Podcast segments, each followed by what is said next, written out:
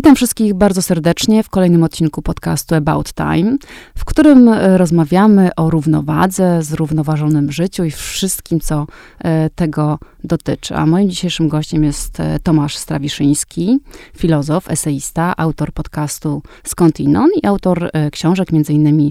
Ucieczka od bezradności i Reguły na czas chaosu. Dzień dobry Tomaszu. Dzień dobry, bardzo dziękuję za zaproszenie.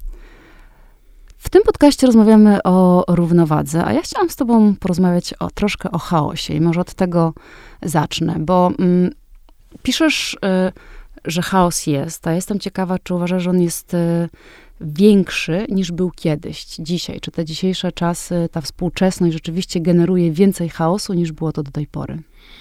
To jest trudne pytanie. Nie, nie wiem, czy bym tak od razu y, z dużą pewnością powiedział, że jest więcej na pewno.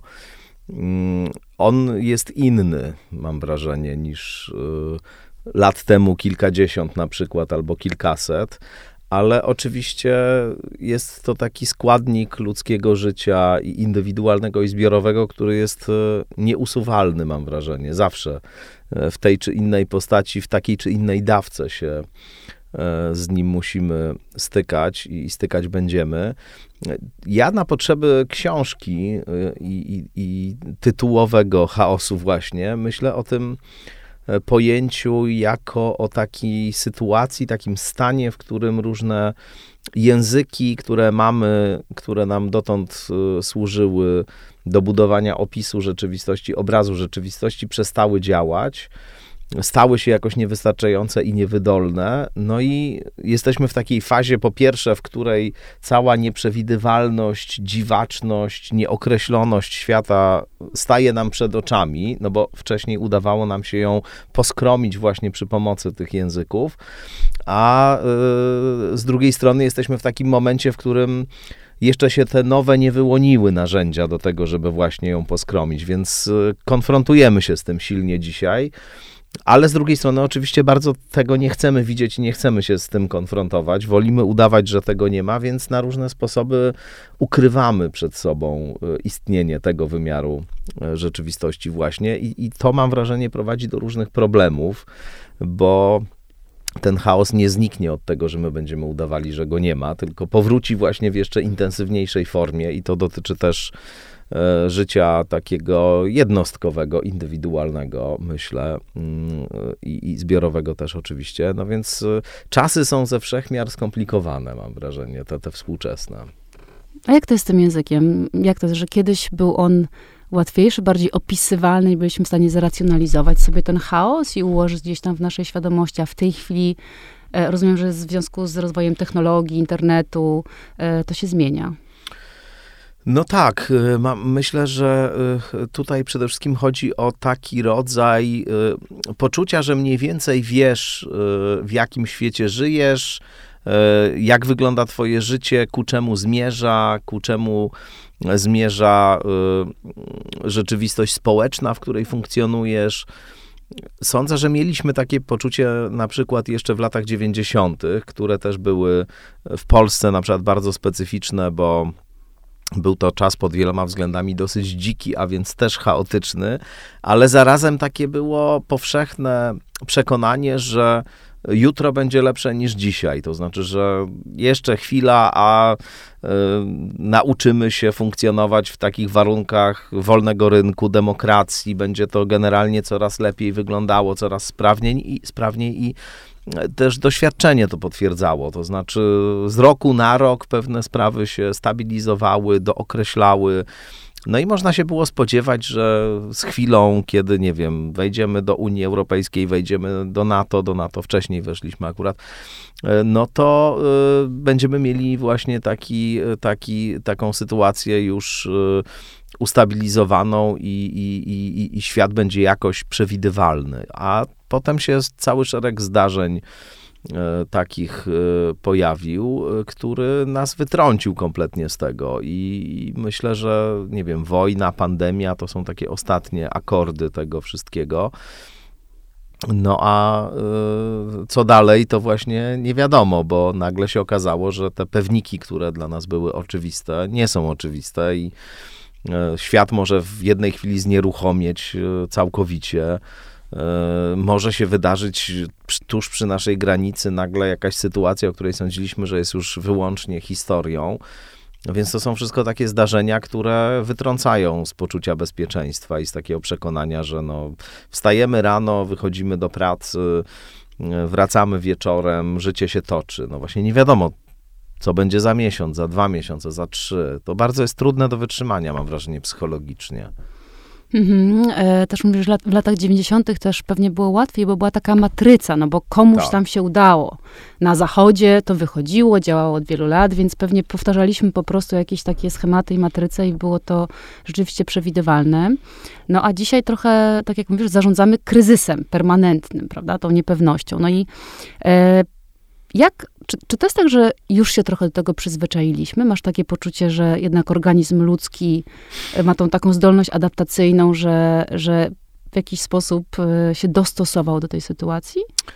E, wiesz, te, te, zdolności adaptacyjne, mam wrażenie, one są czymś na kształt miecza obosiecznego. To znaczy, bardzo często ta adaptacja przebiega w sposób, który faktycznie sprawia, że jakiś rodzaj niepokoju, czy, czy właśnie takiego poczucia nieprzewidywalności e, znika e, w nas, ale to, co przychodzi w zamian, no niekoniecznie jest konstruktywne, czy, czy pożyteczne przynajmniej na dłuższą metę.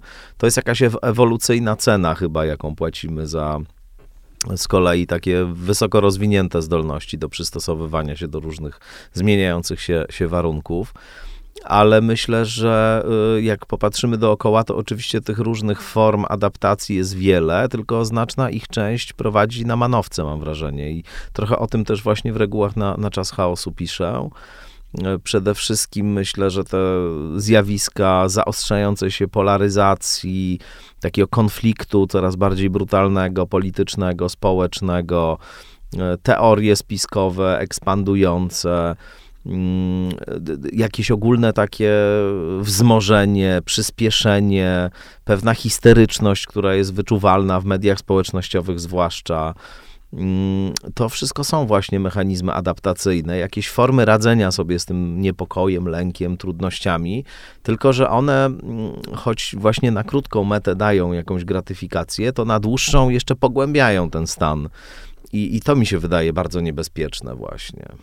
A myślisz, że, ta, mm, że jest w narodzie ta potrzeba równowagi? Czy tam nawet w jednostce, no bo w takim po prostu człowieczeństwie, czy jednak człowiek dąży do, e, do jakiejś harmonii, e, balansu? E, jest, jest taki utwór Jacka Kaczmarskiego, Rozmowa się nazywa. I jest to taki dialog pomiędzy wyobrażoną odbiorczynią twórczości, poety, a poetą właśnie. E, no i zaczyna się to zresztą w e, programie Wojna Postu z Karnawałem Kaczmarskiego, Gintrowskiego i Łapińskiego. Ta, ta, ta, ten utwór się znajduje i tam Zbigniew Łapiński jako owa e, czytelniczka czy słuchaczka występuje i zarzuca na początku poecie, że on tylko o smutnych sprawach, o jakichś tragediach, katastrofach a przecież, e, przecież e, e, życie ma też swoją dobrą stronę i mnie to życie się podoba, tak ta czytelniczka deklaruje, a na to odpowiada poeta w, w, tej, w tej pieśni Proszę pani, ja życie lubię w jego prawdzie i w jego złudzie, ale człowiek dąży ku zgubie, wiedzieć o tym nie chcą ludzie. Więc to jest moje przekonanie głębokie. Ja się z tym zgadzam, że człowiek raczej dąży ku zgubie, a nie ku równowadze.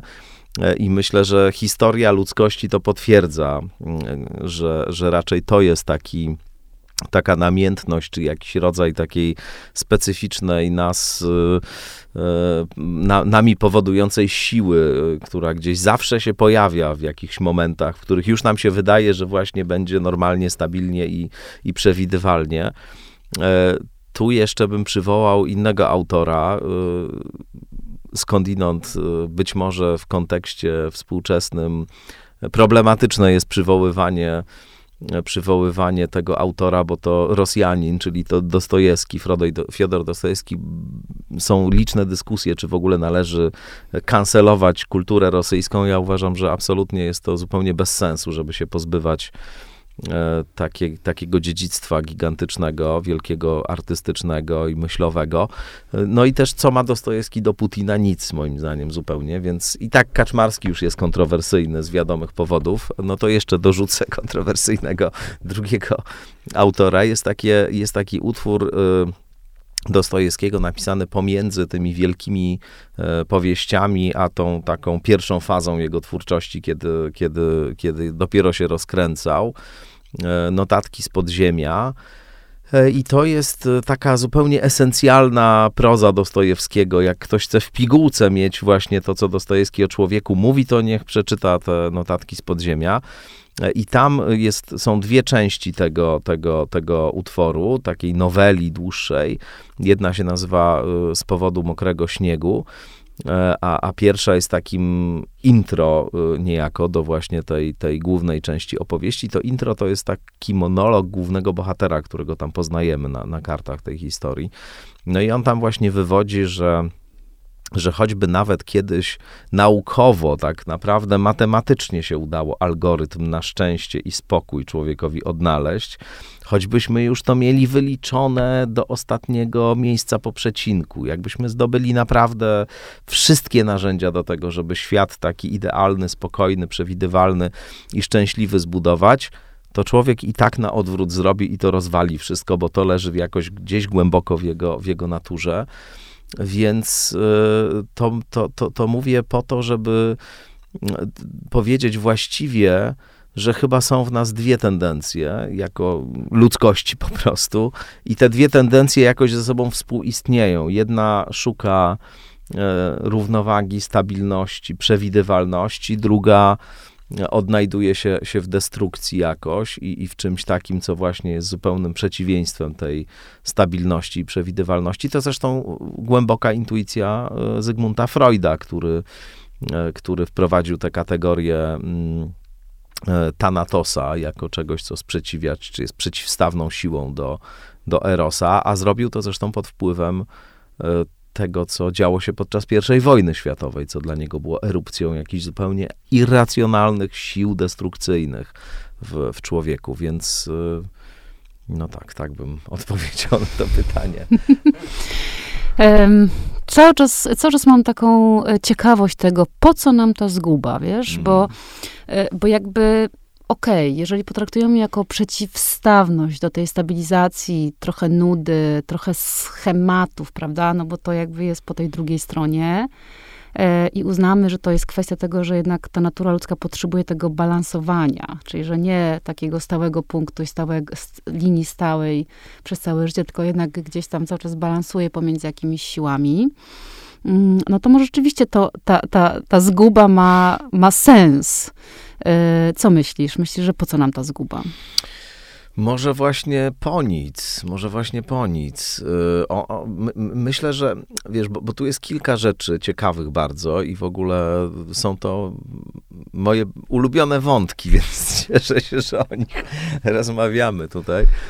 Ale, ale powiedziałbym przede wszystkim, że i, i tu się odwołam do, do doświadczenia być może także jakiejś części osób, które nas słuchają że y, myślę, że znamy to wszyscy w takiej czy innej postaci, w takiej czy innej skali. Ta skala może być bardzo różna i postać może być bardzo różna, że y, y, dzieją się czasem w życiu rzeczy, które kompletnie wywracają wszystko do góry nogami.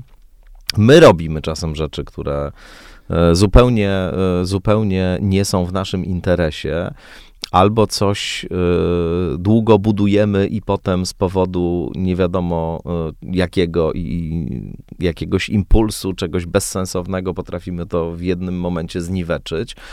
I tak na dobrą sprawę nie wiemy, co się właściwie wydarzyło, dlaczego tak y, sprawy się poukładały. Inni ludzie się w ten sposób też zachowują. E, na przykład możemy znać kogoś bardzo długo, a potem się okazuje, że ten ktoś jest w ogóle zupełnie kimś innym niż nam się wydawało.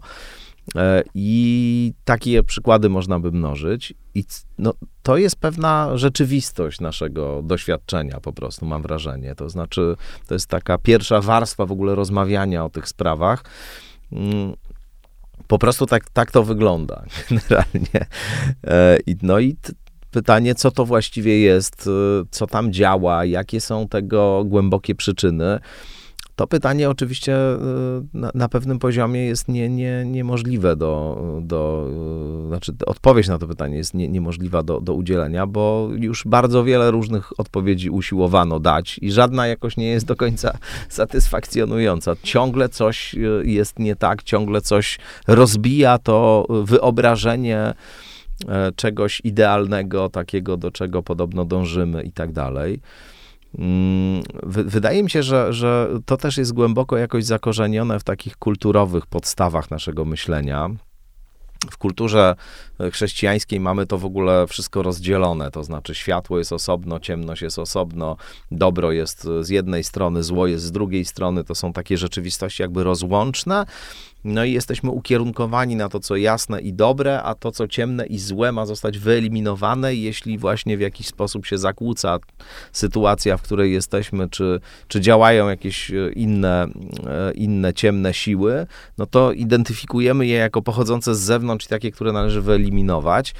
Taki autor, którego bardzo lubię i po, polecam wszystkim zawsze do, do czytania, James Hillman, odwoływał się z kolei w swoim myśleniu, a dużo czasu poświęcił i miejsca na analizowanie właśnie tej takiej tak zwanej ciemnej strony psychiki, to się odwoływał do, do, do myślenia mm, raczej greckiego niż, niż chrześcijańskiego i tam pokazywał, że w zasadzie tam w ogóle nie ma takiego podziału. To znaczy, rzeczy, rzeczy przychodzą wraz ze swoimi, jakby z tą, z tą całą ciemnością, poplątaniem, to jest jakoś wmontowane w to wszystko. Jak czytamy mitologię grecką na przykład, to tam w ogóle nie ma jakby tego problemu, o którym teraz rozmawiamy, prawda? Nie ma, nikt, nie ma tam takiego pytania, dlaczego coś nam przeszkadza w dążeniu do, do, nie wiem, ideału czy doskonałości, bo tam w zasadzie nie ma ideałów takich, jak my je dzisiaj rozumiemy. Ci bogowie są e, jednocześnie pod wieloma względami wspaniali i, i mają szlachetne e, i szlachetnie się zachowują i, i są niezwykle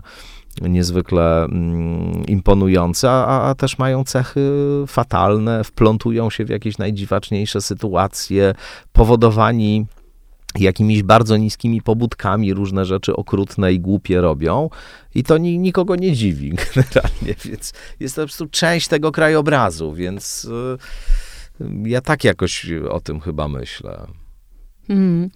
Pomyślałam sobie o tym, że rzeczywiście e, ta e, cywilizacja zachodnia oparta na, na e, religii chrześcijańskiej rzeczywiście zrobiła taką, taką, rozróżniła ten świat tej ciemności i tego, i tego światła, przez co może rzeczywiście trochę jest tak, że tą ciemność, o której mówiłeś wcześniej, tak zakopujemy pod dywan i udajemy, że jej trochę nie ma, co de facto na koniec y, y, kończy się tym, że ona wcześniej czy później zwielokrotniona, zestresowana pod tym dywanem tak. wychodzi i nas, i nas atakuje. I może rzeczywiście ten wzorzec tych y, greckich bogów, kiedy no po prostu nasza natura jest i taka, i taka i czerpiemy sobie z tych zasobów z różnej strony, pewnie no jest takie bardziej naturalne. Wiesz, to jest też y, coś takiego, co, co jest y, pewnym odkryciem i jedną z takich w ogóle y, najbardziej interesujących i najbardziej pod wieloma względami niewygodnych prawd y, psychoanalizy. I to zarówno w tej freudowskiej, jak i jungowskiej gałęzi że te sytuacje, które często y, definiowane są przez samego człowieka, na przykład w y, rozmowie, czy, czy w jakimś takim, w takiej interakcji z otoczeniem, czy widziane są z zewnątrz jako sytuacje trudne, splątane, związane właśnie z cierpieniem, autodestrukcją i tak dalej, mogą być wyrazem właśnie pewnego pragnienia osoby, która, która może, to, to, to, to jest oczywiście bardzo grząski grunt, bo tutaj łat, łatwo się z, osunąć w jakiś rodzaj takiego cedowania odpowiedzialności całkowitego za cierpienie na osobę, która go doświadcza i to jest pewne niebezpieczeństwo psychoanalizy również, która nie wykształciła moim zdaniem kryteriów pozwalających właśnie na takie rozróżnianie tych sytuacji, kiedy to jest y, y, rodzaj podążania za jakimś nieświadomym swoim właśnie pragnieniem, a kiedy to jest coś takiego, co ma zupełnie inne źródła. ale, ale gdzieś tam wydaje mi się to bardzo głębokie rozpoznanie, że mamy odruchowe założenie, że ludzie nie mogą dążyć do sytuacji e, frustracji, trudności, komplikacji, właśnie cierpienia, wikłania i tak. Tymczasem y, mogą właśnie i często to, często to robią z różnych powodów. Y, z jednej strony dlatego właśnie, że czasami, kiedy kultura jest tak sformatowana, czy sytuacja, w której jesteś, jest tak sformatowana, że nie wpuszcza ci zupełnie trudnych emocji, na przykład, to znaczy masz się tylko uśmiechać, ma być tylko wesoło, optymistycznie, do przodu i tak dalej a ty jednocześnie jako człowiek, y, istota ograniczona pod wieloma względami, y, no powiedziałbym, skazana na, na, na różne trudności, śmiertelna, podatna na zranienie, y, nie, nie, będąca w stanie zrealizować wszystkich marzeń, które ma, a jednocześnie żyjąca w świecie, który te marzenia podbija, napędza. E, no właśnie przeżywająca trudności, frustracje w relacjach, we własnym jakby obrazie siebie i tak dalej, no też po prostu te trudne emocje masz i, i życie też ma swoje złe i ciemne strony. I kiedy jakby nie wolno o tym mówić, tylko trzeba mówić, że wszystko jest super, to powstaje w tobie naturalnie pragnienie, tego, żeby te emocje jakoś mogły się wyrazić, żeby można było je wypowiedzieć, wyrazić właśnie i, i żeby jakieś, jakąś ekspresję im, im dać. I, I często właśnie trzeba to wtedy zrobić w, w taki sposób, który musi być adekwatny, jeśli chodzi o natężenie do natężenia tego y, optymistycznego kłamstwa, w którym się żyje. Więc jakby to jest jedna z takich, moim zdaniem, sytuacji, w których to ta potrzeba może przybrać takie bardzo silne, silne, silną postać, y, rozległą. Mm, ale druga na przykład jest y, związana, o czym traktuje książka, która jest w ogóle moim zdaniem jedną z najciekawszych takich książek y, z tradycji psychoanalitycznej, jakie w ogóle powstały, czyli Nerwica rozwój człowieka Karen Horney. W ogóle super, super osoba, myślę ta Karen Horney była. No i ona tam z kolei opisuje taki mechanizm, który, y, który y, polega na tym, że człowiek y, wytwarza różne symptomy, właśnie często też wiążące się z bardzo intensywnym dyskomfortem, po to, żeby pewnych odpowiedzialności w życiu nie podjąć, na przykład, żeby czegoś nie zrobić, żeby nie pójść dalej, żeby właśnie przeżywać siebie jako kogoś, kto jest, y, kto musi być otaczany jakąś uwagą nieustanną, etc. I to też jest jedna ze strategii, które można, można zastosować. To oczywiście absolutnie nie, wypeł- nie, nie, nie, nie jest całościowy obraz takich sytuacji i też są sytuacje oczywistego cierpienia, które z tego typu zjawiskami w ogóle nie ma nic wspólnego, ale ponieważ pytałaś o to, po co nam ta zguba, no to, e, to tutaj pomyślałem, że, że, że można poszukać takich odpowiedzi właśnie w tego typu mm, obserwacjach. Przychodzi mi na myśl, co by było, gdyby w ogóle nie było wartościowania tego. No bo cały czas mówimy o tym, że coś jest złe, coś jest dobre, coś jest trudne, coś jest łatwe, coś jest przyjemne, coś jest nieprzyjemne. No i trochę jest tak, że jak się spojrzy na rzeczy, które wywołują te emocje, one są neutralne i można tak naprawdę tą sekundę, zanim pojawi się ładunek emocjonalny z tym związany, zastanowić się, czy chce się mu nadać pozytywną e, czy negatywną e, emocję. Nie, o ile można tak w ogóle emocje nazywać, bo już teraz podobno się nie nazywa e, emocji negatywnymi, pozytywnymi. No i ty w ogóle jakoś nie lubisz emocji, prawda? Bo w swojej książce piszesz rzecz, że trzeba myśleć racjonalnie i że mm. ten, jednak to myślenie y, logiczne i racjonalne jakoś, nie wiem, bardziej porządkuje ten świat? No na pewno bym nie powiedział, że nie, nie lubię. to już by było emocjonalne skądinąd, ale, ale y, nie, nie, no y, emocje są niezwykle istotnym składnikiem wewnętrznego naszego krajobrazu i absolutnie nie jest tak, że ja w jakikolwiek sposób ich, negu, ich wartość neguję, ważność, etc mam po prostu wrażenie, że one są często dzisiaj fetyszyzowane. To znaczy, że ten nacisk kładziony właśnie na emocje stał się naciskiem przesadnym. Oczywiście to ma jakieś źródła w historii mm, kultury, historii psychologii i tak dalej, czy też historii tradycji terapeutycznej. I prawdą jest, że ten renesans zainteresowania emocjami mniej więcej w latach 60., który się zaczął, E, zawdzięczamy go, e, myślę, kontrkulturze w dużym stopniu z jednej strony amerykańskiej, z drugiej strony różnym nurtom terapeutycznym, które też z kontrkultury wyrosły z psychologią humanistyczną e, na czele, z Maslowem, na przykład Rogersem, ty, tymi, tymi autorami.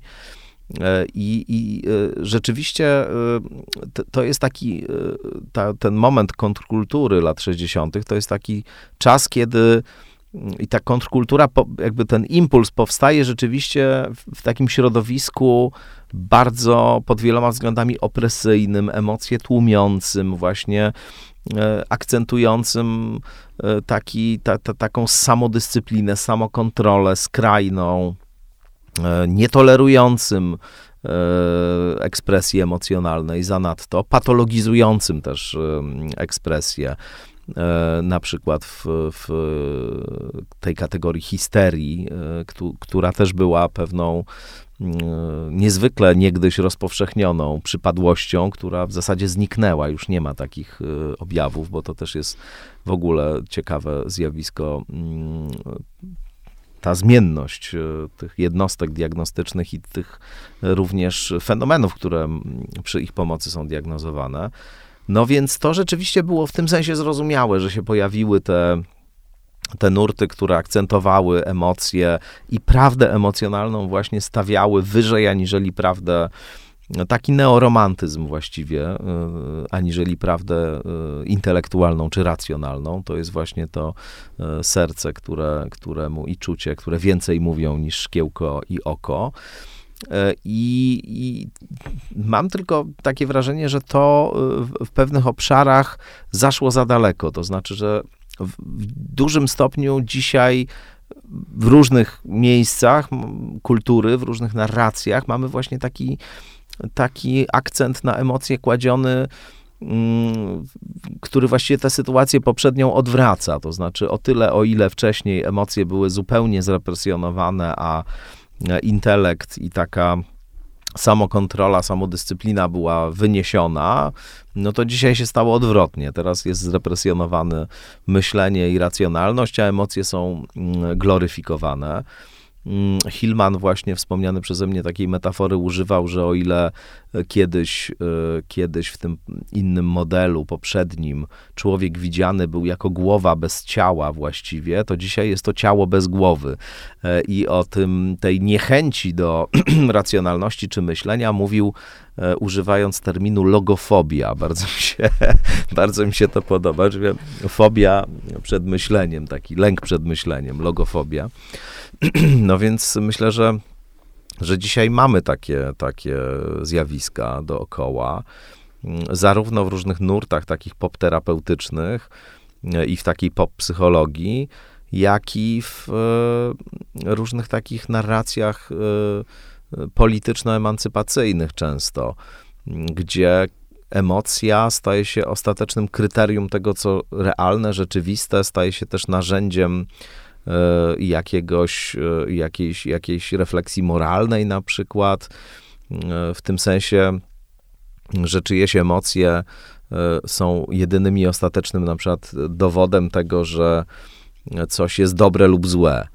Są takim miernikiem jakby tego, co, co dobre, mm, a co złe. To, to, to mi się przede wszystkim wydaje niebezpieczne, ta jednostronna dominacja emocji, dlatego że emocje są subiektywne, to znaczy, że one, mm, one nam owszem mówią, jaki jest świat i często nam mówią prawdę. To znaczy, często jest taki, to absolutnie ja tego nie neguję, że jest, jesteśmy w jakiejś sytuacji, która nam się wydaje z perspektywy racjonalnej zupełnie taka mm, jasna, oczywista, wszystko jest niby w porządku, a na przykład czujemy złość w kontakcie z kimś, albo nie wiem, czujemy, że, że coś jest nie w porządku, coś jest, nie wiem, nie tak. I na przykład wychodzimy dopiero myśląc o tej sytuacji po jakimś czasie, zaczynamy, a, okej, okay, już wiem dlaczego to się stało, bo ktoś coś tam powiedział albo zrobił, co było tak jakoś zakamuflowane, czego w, pierwszej, w pierwszym odruchu nie zauważyłem, a teraz się okazuje, że właśnie dokładnie ta emocja y, była adekwatna ale, ale też one, mm, jeśli tylko na nich polegamy i na niczym więcej, muszą prowadzić do konfliktu i prowadzą do konfliktu, bo tam, gdzie jest ta dominanta emocjonalna, tam po prostu ludzie nie są w stanie ze sobą rozmawiać, no bo nie mają żadnych innych zewnętrznych wobec siebie jakoś zobiektywizowanych kryteriów, żeby w ogóle ustalić, jaka jest rzeczywistość. Bo je, jeśli my się nie będziemy zgadzać co do tej sytuacji, w której teraz jesteśmy, ty uznasz, że ja mówię coś dla ciebie na przykład obraźliwego, a ja będę uważał, że nic takiego nie powiedziałem, no i będziemy mieli do dyspozycji tylko emocje, czyli to, że ty się czujesz obrażona, a ja na przykład jestem zły z tego powodu, że ty mi takie rzeczy mówisz, to my nie, nie będziemy w stanie się dogadać. No. Jeżeli będziemy dysponowali tym nagraniem, później go posłuchamy, przeanalizujemy to, co padło, ktoś jeszcze tego posłucha i powie, no tak, rzeczywiście powiedziałeś coś takiego, co tutaj wobec czego ta reakcja jest zdecydowanie uzasadniona, no to mamy już jakiś rodzaj zupełnie od nas niezależnej instancji, do której możemy się zwrócić. To jest też, nie wiem, konwencja językowa, to, co w danym kręgu kulturowym uchodzi za obraźliwe, a co nie uchodzi, co jest jakby uważane w naszym społeczeństwie za dopuszczalne, a co jest przekroczeniem jakichś granic, kindersztuba, dob dobry obyczaj, prawda, i tak dalej. Ale to jest coś innego niż tylko ta czysta emocja, która się pojawia i która, okej, okay, ma swoje ważne miejsce na pewno, ale nie może być tylko jedynym kryterium. I to, to o to mi chodzi w tej krytyce tego panemocjonalizmu, mhm. nie emocji jako takich. No i zobacz, znowu, e, znowu trochę mówisz o takim balansowaniu i jednak szukaniu pewnej równowagi pomiędzy tym tak, sercem tak. a głową, że ta, tak. ta, to, to balansowanie i to szukanie tego zrównoważenia jednak jest w tak wielu aspektach tego naszego życia, e, że może rzeczywiście to też jest rodzaj tej obrony przed, e, przed tym chaosem, który nas e, otacza. E, a jakie są jeszcze inne reguły na ten czas chaosu? Twoje Wiesz, ulubione. Ja oczywiście y, tych wszystkich narzędzi y, myślenia racjonalnego, takiego nieulegania różnym iluzjom, właśnie niepopadania w y, skrajności. Rzeczywiście używam w imię pewnego, pewnego przekonania o tym, że pewien rodzaj zrównoważenia jest, jest czymś pożądanym i zwłaszcza w dzisiejszych czasach, w których miotają nami właśnie zupełnie skrajne emocje, fantazje e, i radykalizmy. E, I wcześniej mówiąc o tym, że, że człowiek generalnie dąży ku zgubie i że chaos, chaos dominuje, no to, no to e, miałem to na myśli, że, że oczywiście człowiek nie jest istotą racjonalną w tym sensie, wiesz, że, że się racjonalnie zachowuje. Raczej odwrotnie, właśnie jest, jest istotą głęboko irracjonalną ale dla, właśnie dlatego dążenie do racjonalności i, i samopoznanie mm, i jakiś rodzaj refleksji nad tym, co się robi, jest, y, jest bardzo y, pożądany, po to, żeby się właśnie z tego naturalnego dążenia ku zgubie wytrącać, jednak mimo wszystko. E, I żeby mu nie ulegać tak do końca, na tyle, na ile to jest możliwe, przy też jednocześnie uznaniu tego, że to po prostu jest pewna część e, krajobrazu. Ale no, reguł jest oczywiście 11 w książce i nie, nie, będę, nie będę ich rekonstru rekonstruował tutaj, tylko będę zachęcał do lektury państwa, ale powiem o jednej może takiej esencjalnej, która jest obecna we wszystkich tych 11, choć nie eksplicite jest wypowiedziana, tylko z takim warunkiem możliwości tych wszystkich 11.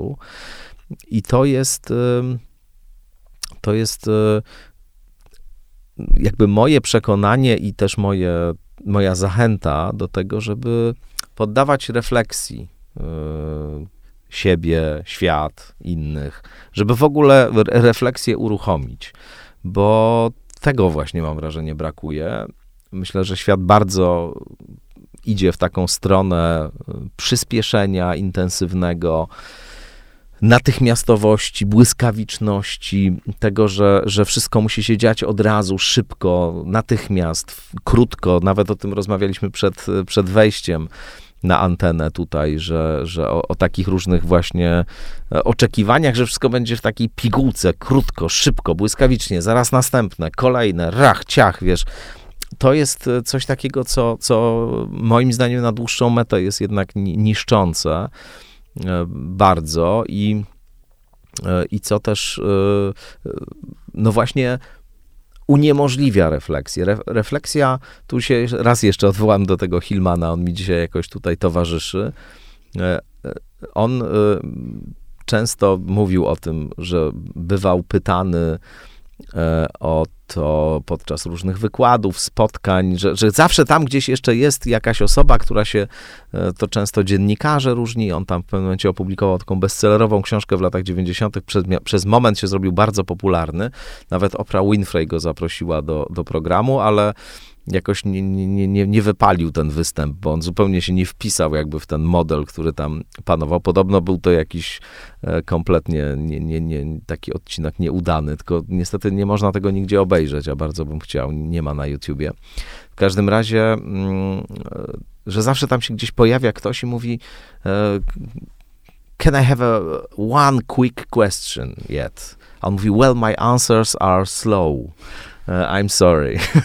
więc, więc, bardzo mi się to podobało, to, że napisał też taki essay Virtues of Caution, czyli o cnoty ostrożności, o takim spowolnieniu właśnie, przeczekaniu, wycofaniu, jako o warunku możliwości refleksji właśnie nad tym, co się dzieje. Musimy mieć też trochę jakby przestrzeni i czasu na to, żeby żeby refleksję uruchomić, bo refleksja nas, nas czyni właśnie autonomicznymi wobec nieświadomości, wobec e, odruchów, wobec e, tego naturalnego programu, który e, jakoś mamy, a na którym też żeruje dzisiaj w dużym stopniu marketing polityczny, biznesowy i tak mamy silny nacisk na to, żeby wszystko działo się błyskawicznie, no bo jak się właśnie dzieje błyskawicznie, to nie poddajemy refleksji swoich impulsów, tylko za nimi idziemy. Mamy one click, e, żeby kupić coś w internecie, tylko bach, naciskamy i koniec.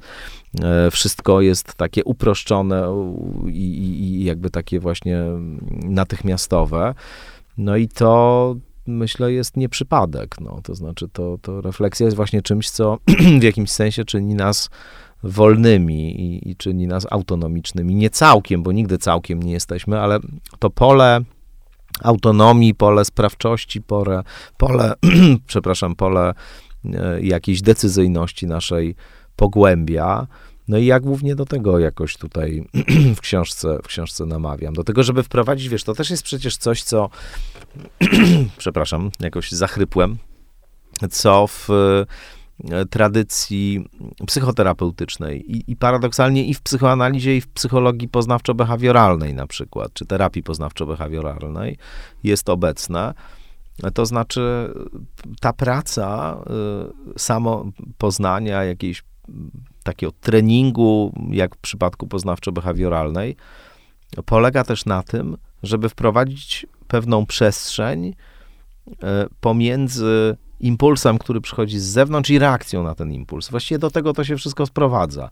Żeby człowiek był w stanie wytrzymać emocjonalnie sytuację, w której coś się dzieje, jego to wytrąca, no i natychmiast coś robi wtedy. Na przykład, nie wiem, idzie i pije, albo zaczyna awanturować się albo popada w straszny atak paniki. No, jest cały szereg takich elementów, które, które właśnie się w ten sposób uruchamiają, a no, w przypadku y, takiego, takiej pracy z atakami paniki, wiem, bo y, sam ich doświadczałem przez, przez wiele lat, no to to, co jest kluczowe, to właśnie jest refleksja nad tym, okej, okay, dobrze, czuję, mam jakiś rodzaj, nie wiem, nagle napięcia gdzieś, no i atak paniki, co wie każdy, kto go kiedyś doświadczył, polega na takiej kaskadzie, która się natychmiast uruchamia. No więc czuję, więc mam wrażenie, że coś się dzieje ze mną nie tak, więc jakby zaczynam się tym denerwować, więc zaczyna mi serce jeszcze szybciej bić, więc myślę, że to jest objaw czegoś jeszcze e, straszniejszego i to się wszystko natychmiast uruchamia, już w pewnym momencie tracę kontrolę nad kompletnie tym, co się dzieje.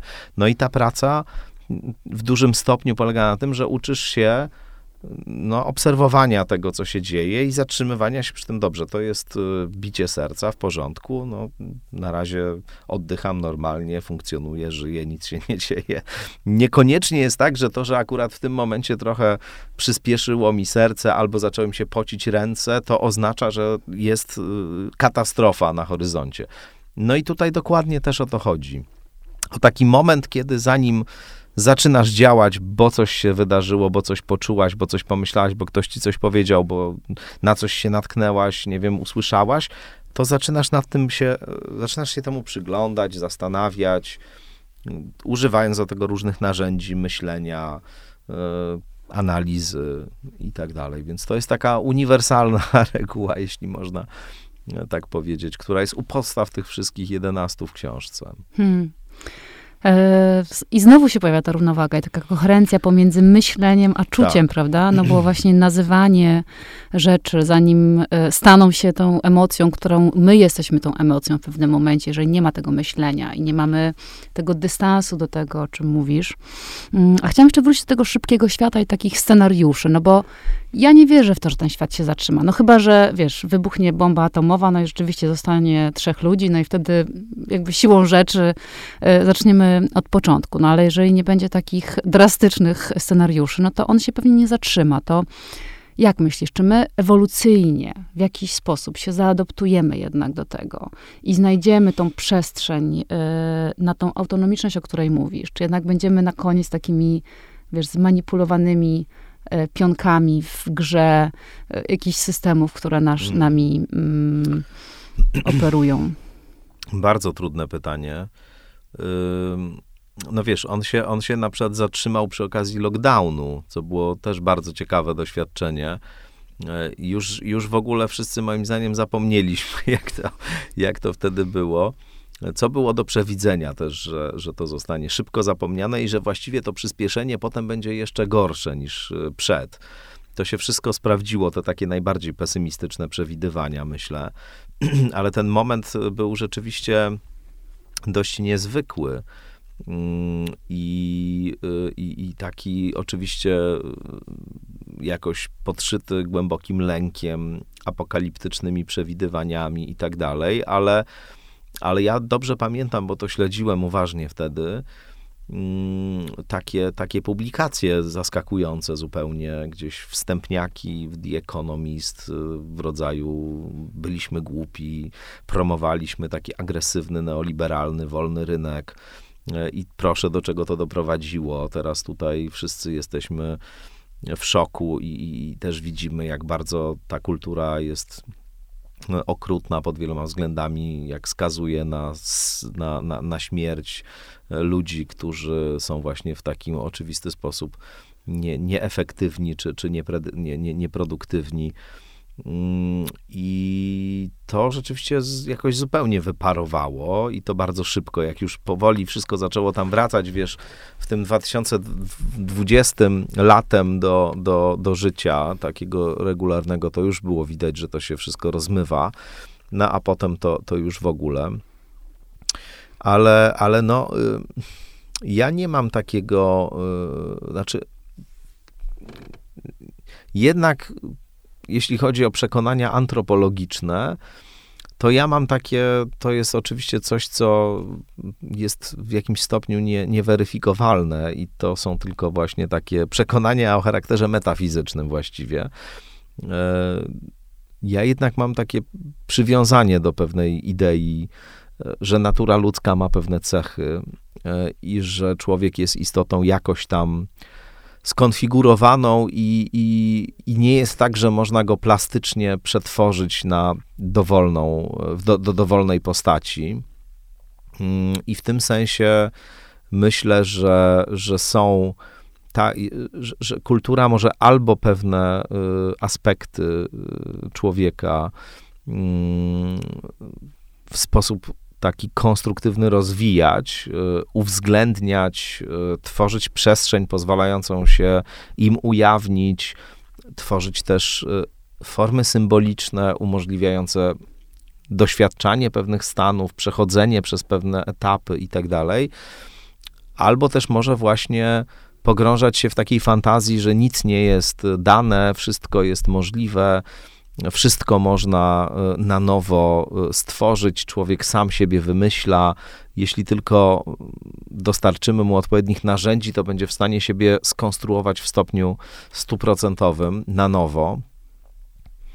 Raczej to doprowadzało w skali y, takiej zbiorowej do bardzo mrocznych rzeczy w historii, a w skali indywidualnej takie jest przynajmniej, taka jest moja obserwacja, najczęściej prowadzi do, do jakichś frustracji i do, i do jakichś poplątań y, ostatecznie. Mm, no więc ja nie wierzę w to, że wiesz, to wszystko będzie dobrze generalnie i że się do tego wszystkiego tak doskonale do, dostosujemy. Natomiast miałbym pewne y, domniemanie, że możliwe jest też y, jednak y, możliwa jest jakaś głębsza zmiana jednak tego kursu. To znaczy, że, że to nie jest tak, że my faktycznie jesteśmy już całkiem skazani na takie dążenie do, do zderzenia e, fundamentalnego ze ścianą, tylko, tylko że może jednak pewne trendy takie bardzo toksyczne gdzieś tam się będą odwracać. Ale, ale czy tak będzie, to, to ja bym tutaj, wiesz, nie zakładał się o żadne pieniądze wielkie w każdym razie, że, że, tak, to, że tak to będzie wyglądało. Słuchajcie, zanim e, zobaczymy, co się stanie i rzeczywiście, czy ten trend się odwróci, mm, czy po prostu się do niego przyzwyczaimy i okaże się, że ta prędkość i ta nowa normalność jest naszą zwykłą normalnością wcale nas nie dziwi ani nie zaskakuje i wydaje, mi się, wydaje nam się, że nie może być inaczej, to może poddajmy refleksji takie nasze życie tu i teraz, bo tak jak mówisz Tomasz, to jest o naszej autonomii, decyzyjności, sprawczości tak naprawdę w życiu i o tym, e, jakiej jakości człowiekiem chcemy być. Dziękuję Tomku. Bardzo dziękuję za zaproszenie.